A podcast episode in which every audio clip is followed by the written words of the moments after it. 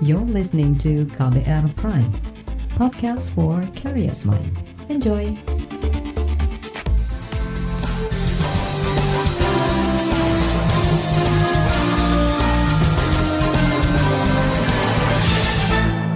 Halo saudara, senang sekali kami bisa menyapa Anda kembali dalam program KBR Sore untuk edisi hari ini Rabu 22 Juli 2020. Saya Sindu Darmawan akan menemani Anda selama kurang lebih 30 menit. Kali ini kami membahas proses belajar mengajar yang berubah drastis sejak pandemi COVID-19 melanda. Mayoritas sekolah belum berani ambil risiko menyelenggarakan pola belajar mengajar tatap muka. Alasannya tentu untuk mencegah penularan virus corona. Sebagai solusinya, pemerintah memutuskan metode belajar baru, yaitu pembelajaran jarak jauh (PJJ), baik melalui daring atau dalam jaringan maupun luring atau luar jaringan. PJJ daring dan luring menjadi acuan tiap sekolah saat mulainya tahun ajaran baru. Pada Juni lalu, Menteri Pendidikan dan Kebudayaan Nadiem Makarim menyebut lebih dari 90% persen anak sekolah akan menjalani PJJ. Tapi masalah baru kemudian muncul, karena ternyata tidak semua daerah, sekolah, dan siswa bisa mengikuti PJJ secara baik. Banyak anak-anak tidak memiliki jaringan internet untuk melakukan sekolah daring. Selain itu, terlalu lama PJJ ternyata berpotensi mengganggu psikososial anak. Lantas seberapa berbahaya potensi gangguan psikososial itu? Saudara, Kementerian Kesehatan menyatakan sulitnya proses belajar mengajar di masa pandemi sangat memengaruhi kondisi kesehatan jiwa anak. Direktur Pencegahan dan Pengendalian Masalah Kesehatan Jiwa dan Napsa Kemenkes, Vidiansyah mengatakan, tidak adanya akses internet saat pembelajaran jarak jauh PJJ berdampak pada kesulitan anak memahami materi pelajaran. Bahwa jumlah anak di populasi Indonesia itu menempati 30 sekian persen, artinya ada sekitar 76,5 juta. Yang ini juga merupakan salah satu yang akan menjadi bagian yang tidak terpisahkan dalam paparan COVID itu sendiri. Dan apa yang terjadi dari data tersebut bahwa ada sekitar pertanggal 19 Juli itu 8,1 persen itu positif COVID. Dan di antaranya kemudian 8,6 persen dirawat, 8,3 persen sembuh, dan kita juga tentu berduka ada 1,6 persen meninggal. Ini adalah data dengan uh, Satgas COVID yang dapat kita coba ambil sebagai sesuatu gambaran. Nah, bagaimana kaitannya dengan fenomena kesehatan jiwa? Itu sudah dapat kita dapatkan dari salah satu lembaga masyarakat di Wahana Visi Indonesia menggambarkan bahwa selama proses belajar yang ada di dalam masa PSBB ini itu hanya sekitar 68 persen punya akses terhadap jaringan daring itu sendiri. Berarti 32 persen tidak mendapatkan sarana tersebut. Dan dampaknya apa? Dia harus mengalami proses belajar sendiri. Dan itu menimbulkan sesuatu dampak 37% anak tidak bisa mengetahui waktu belajar. Karena ternyata rutin belajar lalu dia harus belajar mandiri. Lalu 30% anak kesulitan memahami pelajaran itu sendiri. Dan bahkan 20% anak tidak memahami instruksi guru berdasarkan proses belajar daring. Nah dampak psikososial juga sesuatu yang mengkhawatirkan. Ada 47% itu bosan tinggal di rumah tadi. Dan kemudian 35% anak khawatir akan ketinggalan pelajaran karena tidak seperti biasa dia mengikuti pelajarannya. Dan berikutnya 34% anak merasa takut terkena COVID walaupun sudah berada di rumah. Dan 20% merindukan ketemu dengan teman-temannya dan 10% anak merasa khawatir tentang penghasilan orang tua. Jadi juga ikut berpikir. Data yang lain adalah 11% anak mengalami keresahan fisik karena tadi proses belajar mengajar yang tentu tidak lazim dan 62% anak mengalami kekerasan verbal. Jadi portret itu menggambarkan betapa tinggi persoalan kesehatan jiwa pada anak remaja pada periode kalau tidak diantisipasi dengan cepat. Itu tadi Direktur Pencegahan dan Pengendalian Masalah Kesehatan Jiwa dan Napsa Kementerian Kesehatan Vidiansyah. Saudara, suasana belajar dari rumah ataupun pembelajaran jarak jauh membuat anak terbatasi pergaulannya dengan teman sebaya dan lingkungannya. Hal itu menciptakan suasana mirip isolasi bagi anak. Akibatnya, menurut pemerhati kesehatan jiwa anak dari UNICEF, Ali Aulia Ramli, kondisi psikis anak menjadi mudah terganggu. Dampak jangka panjangnya, anak bisa mengalami depresi. Kondisi itu diperparah dengan situasi yang tidak nyaman saat anak belajar daring di rumah. Kita melihat misalnya satu studi global yang baru saja dilakukan, melihat berbagai studi-studi lama, jadi meta analisis yang dilakukan apa situasi isolasi, termasuk ketika perang dan juga ketika Ebola. Dan ini menunjukkan bahwa ketika terjadi situasi isolasi ini, anak-anak terutama remaja akan merasakan depresi. Jadi sejumlah studi ini mengkonfirmasi hal tersebut dan itu bukan hanya ketika fase isolasinya, tetapi juga bisa berlangsung lebih lama dari fase isolasi. Sejumlah Padahal sayangnya di Indonesia misalnya ada studi-studi tetapi masih terbatas skalanya kecil dan dilakukan secara daring tapi itu pun menunjukkan bahwa ada dampak termasuk depresi karena situasi seperti ini. Tetapi yang kita tidak ketahui adalah perbandingannya dengan situasi sebelumnya. Jadi kita punya kesempatan pendidikan dijalankan secara daring, tetapi juga itu menimbulkan resiko. Dan tadi seperti data yang disampaikan dan ini juga terjadi secara global, persoalan bukan hanya karena anak diam di rumah, tetapi ada tekanan psikologis juga ketika misalnya kekerasan meningkat di dalam rumah dan tentu saja ini harus menjadi perhatian bersama. Itu tadi pemerhati kesehatan jiwa anak dari UNICEF, Ali Aulia Ramli. Saudara, seusai jeda kami akan sampaikan laporan redaksi bertajuk Belajar Jarak Jauh dan Dampak Psikososial pada Anak. Tetaplah di KBR Sore. You're listening to KBR Pride, podcast for curious mind. Enjoy!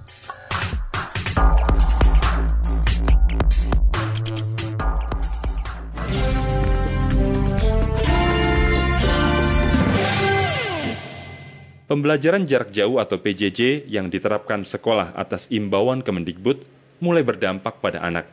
Mulai banyak anak mengeluh stres dan kelelahan. Rasa lelah itu tak hanya dirasakan murid, tetapi juga oleh orang tua.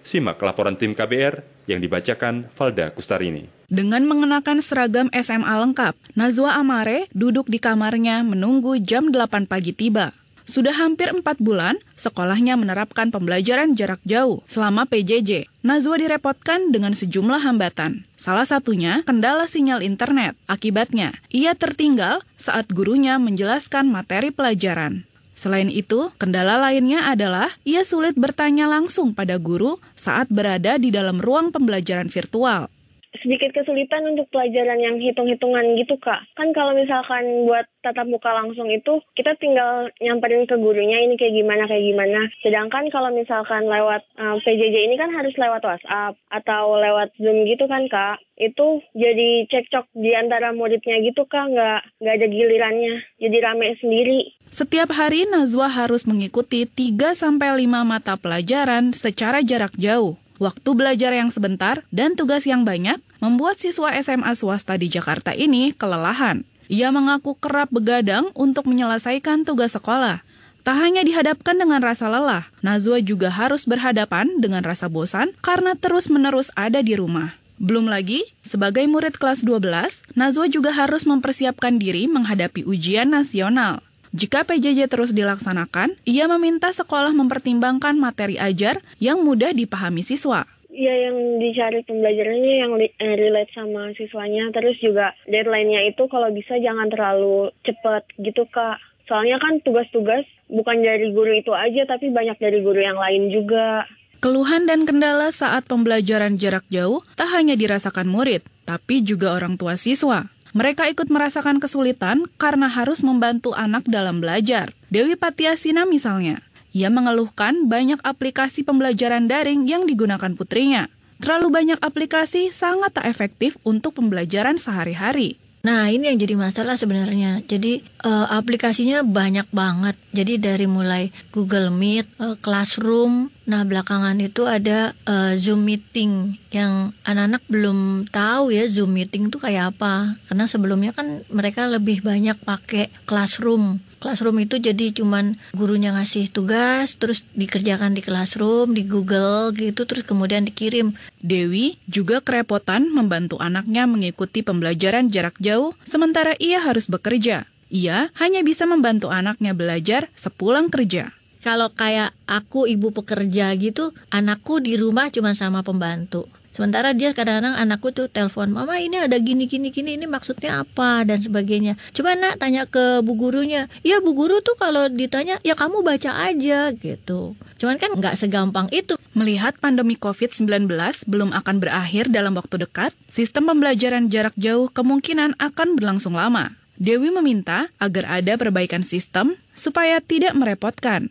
Misalnya aplikasi yang digunakan anak. Ia menyarankan guru hanya menggunakan satu atau dua aplikasi saja untuk pembelajaran, sehingga siswa mudah untuk mengikuti dan menerima pelajaran. Metode pembelajaran jarak jauh anak sekolah pada masa pandemi juga cukup merepotkan untuk ibu rumah tangga seperti Mala. Ibu dua anak ini tak terlalu kewalahan dengan putri sulungnya yang duduk di bangku SMP karena sudah mandiri.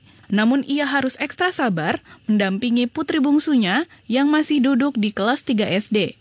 Nah terutama ini nih, kesabaran.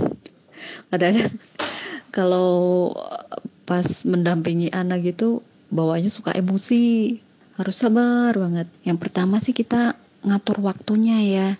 Kan anak-anak biasanya mulainya pagi kalau sekolah langsung gitu kan enak kalau anak udah berangkat ya udahlah selesai ya kita ngurusin rumah nah kalau di rumah tuh harus belajar gitu kita harus ngurusin ya rumah ya anak-anak belajar ya nyiapin semualah pokoknya ya. Permasalahan lain yang sering dihadapi Mala adalah jika koneksi internet sedang down atau lambat. Meski begitu, Mala mengapresiasi pihak sekolah yang memberikan toleransi waktu untuk mengumpulkan tugas siswa.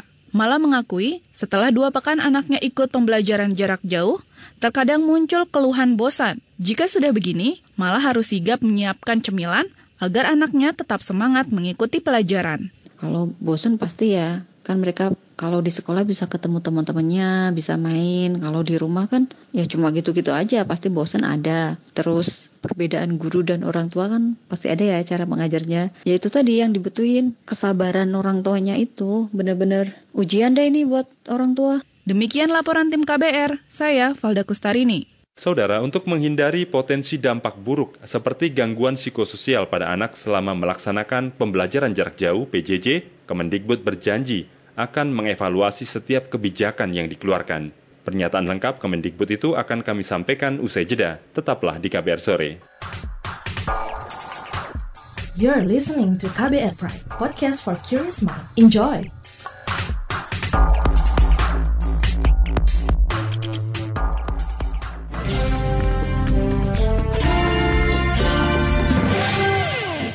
Terima kasih Anda masih bersama kami di KBR Sore. Saudara, Kementerian Pendidikan dan Kebudayaan mengklaim sudah melakukan survei terhadap para siswa yang melaksanakan pembelajaran jarak jauh (PJJ). Direktur Jenderal Pendidikan Anak Usia Dini, Pendidikan Dasar dan Pendidikan Menengah, Jumeri, mengakui banyak siswa yang sudah bosan selama pelaksanaan PJJ. Karena itu kementeriannya akan segera mengevaluasi kebijakan kegiatan pembelajaran jarak jauh. Ya tentu anak-anak mengalami kebutuhan sudah melakukan survei juga terhadap uh, pelaksanaan PJJ ini. Ya ada ada anak-anak kita sudah mulai bosan kemarin selama tiga bulan di lock di rumah, tidak boleh masuk ke sekolah. Sudah kita kita menyadari bahwa anak-anak sudah ingin segera sekolah. Kita tahu kemudian banyak orang tua juga menanyakan kepada kami sudah ingin sekolahnya dibuka. Tetapi tentu kita kan juga ada ada pemerintah daerah, ada gugus tugas COVID di setiap daerah yang yang mereka juga bertugas menjaga apa keamanan kesehatan warganya untuk apakah sekolah bisa diizinkan atau tidak itu tetap tergantung pada gugus COVID setempat. Kami mencatat banyak banyak dampak sosial yang terjadi. Jadi anak-anak bosan kemudian bagaimana pembinaan karakternya belum tentu semua orang tua bisa bisa masalah pembinaan karakter di rumah. Kemudian juga banyak orang tua terbebani, terutama anak-anak TK seharusnya dia bisa bekerja, harus nunggu anak di rumah untuk bisa apa mendampingi dia dalam pembelajaran. Kalau tidak juga masih kecil juga mengalami kesulitan. Kita tahu bahwa permasalahan banyak di lapangan. Kita akan akan evaluasi juga terhadap kebijakan-kebijakan kita itu.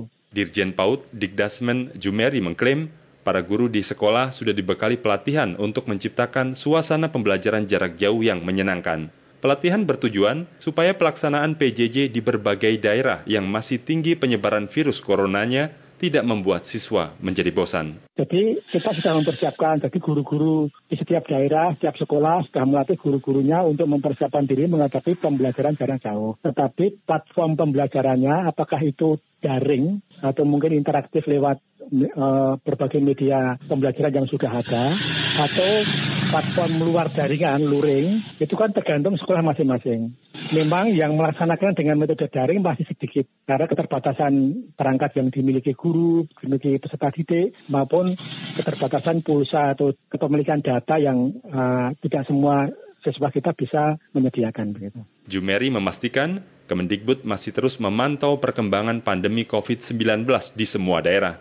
Tujuannya untuk bersiap membuka kembali pembelajaran dengan metode tatap muka dengan disiplin menerapkan protokol kesehatan. Kita laksanakan dulu. Nanti tentu kita akan melihat dinamika penyebaran COVID di berbagai wilayah di Indonesia. Jadi kita akan lihat uh, dampak-dampaknya kemudian karena ternyata saat ini kan yang namanya daerah hijau itu bisa dinamis. Sekarang hijau, besok mungkin sudah jadi kuning atau jadi merah bahkan itu loh. Nah ini ini yang yang sedang sedang terjadi. Nah kementerian akan secara cermat mengikuti dinamika tersebut dan nanti kita mudah-mudahan bisa segera menyikapi dengan uh, apa ya uh, menyesuaikan dengan dinamika tersebut. Jadi sebenarnya secara kewenangan kan itu milik kewenangan daerah, daerah, daerah masing-masing provinsi maupun kabupaten kota.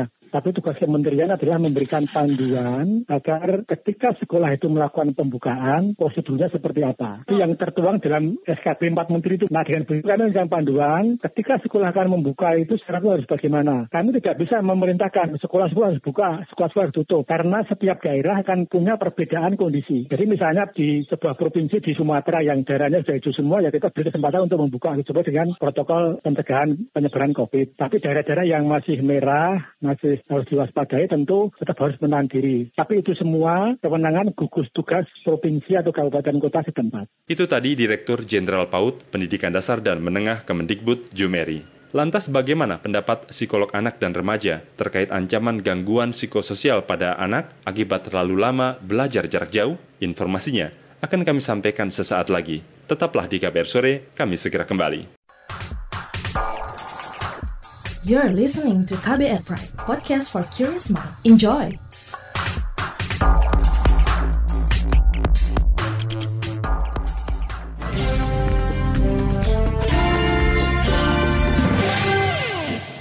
Anda masih mendengarkan KBR Sore. Saudara, pemberlakuan pembelajaran jarak jauh PJJ di tengah pandemi COVID-19 membuat sebagian anak stres dan bosan. Menurut psikolog anak dan remaja Vera Itabiliana Hadiwijoyo, hal itu wajar terjadi karena anak minim bersosialisasi dengan teman sebayanya dan minim beraktivitas. Oleh sebab itu, Vera berharap orang tua lebih berperan mengakomodir anak-anak supaya tetap bisa bersosialisasi dengan teman-teman dan lingkungannya. Apalagi di masa pandemi virus corona, ada kecenderungan anak-anak berperilaku lebih agresif, seperti mudah marah dan membangkang. Jurnalis KBR Dwi Renjani baru saja mewawancarai psikolog anak dan remaja Vera Itabiliana Hadiwijoyo. Nah, UNICEF dan Kemenkes ini sempat mengatakan bahwa proses belajar di rumah ini bisa berdampak pada gangguan psikologi pada anak. Sebetulnya dampak psikologi seperti apa sih Bu yang mungkin terjadi pada anak-anak saat ini?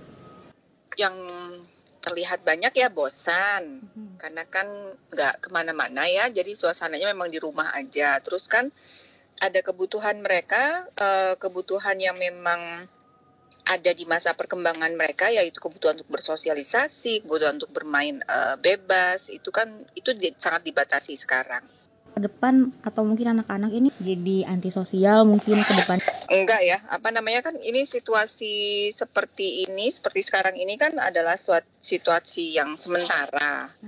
Uh, kalau misalnya kita bisa memberikan pemahaman pada anak bahwa saat ini inilah satu-satunya pilihan yang bisa dijalani gitu ya. Uh, untuk sementara ini mereka juga akan uh, menjalaninya dengan ya sebaik-baik mungkin semampu mereka ya. Mm-hmm. gitu. Nah tapi ini kan dalam situasi seperti saat ini kan tadi seperti saya bilang di awal uh, mereka kan tetap butuh tuh ada kebutuhan sosialisasi kebutuhan untuk bermain nah ke, sebagai orang tua atau sebagai orang dewasa yang dekat anak tetap harus menyadari uh, hal itu. Nah, bagaimana dalam situasi yang seperti sekarang ini kebutuhan itu tetap uh, paling tidak terpenuhi gitu, walaupun tidak maksimal ya. Misalnya dengan memberikan kesempatan anak untuk berinteraksi dengan teman-temannya di luar jam pelajaran uh, secara online tentunya, hmm. atau misalnya uh, apa namanya membolehkan mereka main uh, di luar sebatas di halaman atau di sekitar rumah itu uh, sekali boleh gitu. Jadi uh, apa dengan tetap mengikuti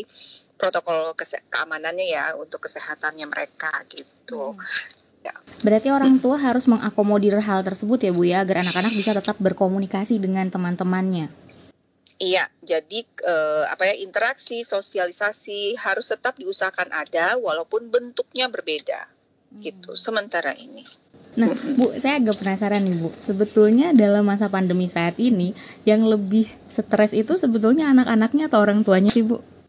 Sebenarnya orang dewasa kan sudah punya uh, skill, sudah punya kemampuan bagaimana meregulasi emosi mereka, bagaimana mengatur uh, pemikiran mereka, ya gitu ya, mengelola rasa cemas, rasa takut gitu sudah kita sudah punya skillnya dan kita punya banyak pilihan cara untuk menghilangkan itu, gitu. Nah di anak-anak ini terkadang mereka untuk memahami apa yang mereka rasakan itu aja mereka sulit gitu.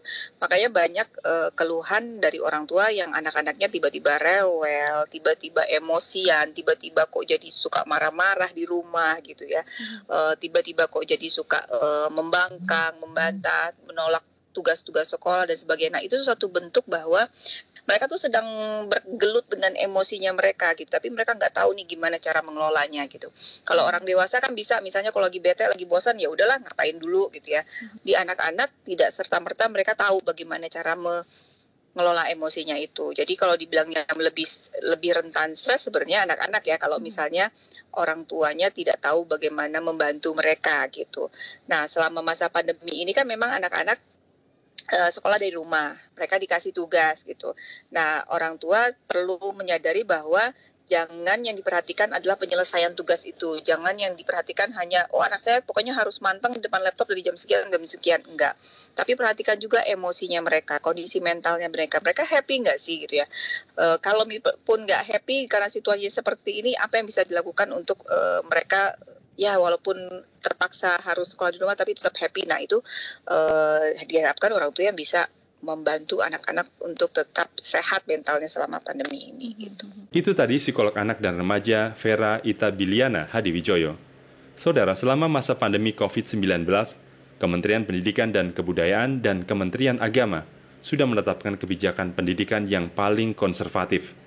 Prinsip paling utamanya yaitu memerhatikan keselamatan dan kesehatan terutama bagi peserta didik, tenaga kependidikan, dan semua warga satuan pendidikan. Selain itu, menurut pelaksana tugas Dirjen Pendidikan Dasar dan Menengah Hamid Muhammad, wilayah zona kuning, oranye, dan merah COVID-19 diputuskan masih tetap melaksanakan pembelajaran jarak jauh PJJ. Bagaimana selama masa pandemi ini?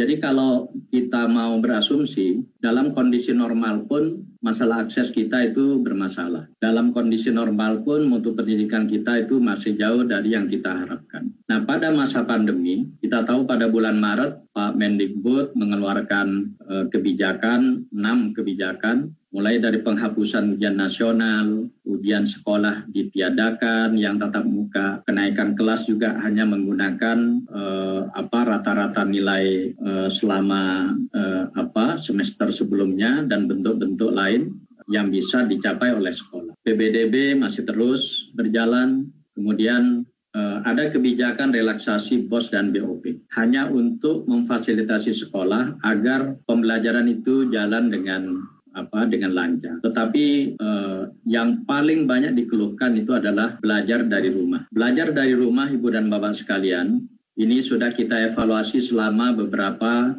bulan terakhir ini.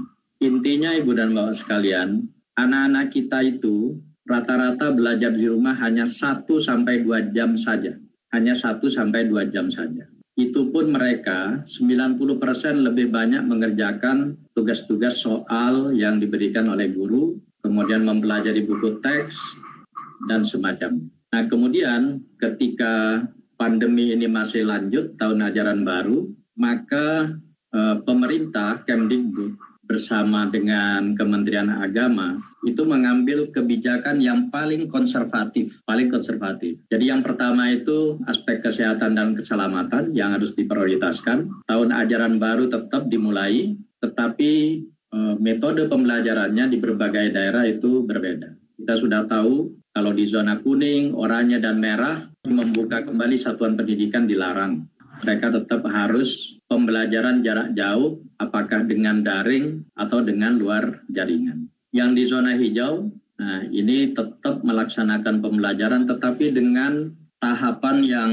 eh, apa, yang yang ketat ya, kemudian pelaksanaannya juga bertingkat, sehingga ibu dan bapak sekalian, kalau kita lihat sekarang yang terjadi. Ada yang zona hijau yang seharusnya dibuka tapi tetap tidak dibuka karena pemerintahnya agak khawatir. Tetapi ada juga yang zona kuning dan oranye itu sudah mulai buka karena sudah tidak tahan dengan desakan orang tua, desakan sekolah-sekolah swasta yang mungkin sudah uh, sulit uh, untuk tidak melaksanakan pembelajaran tatap muka. Sayangnya, sosialisasi kurikulum adaptif dan modul pembelajaran semasa pandemi masih belum tersosialisasi dengan baik. Akibatnya, kekhawatiran anak mengalami gangguan psikososial pun muncul.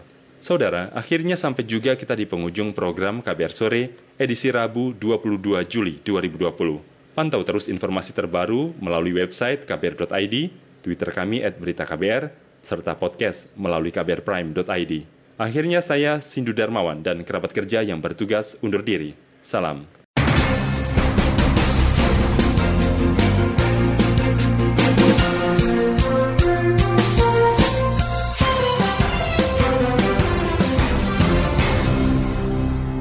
KBR Prime, cara asik mendengar berita.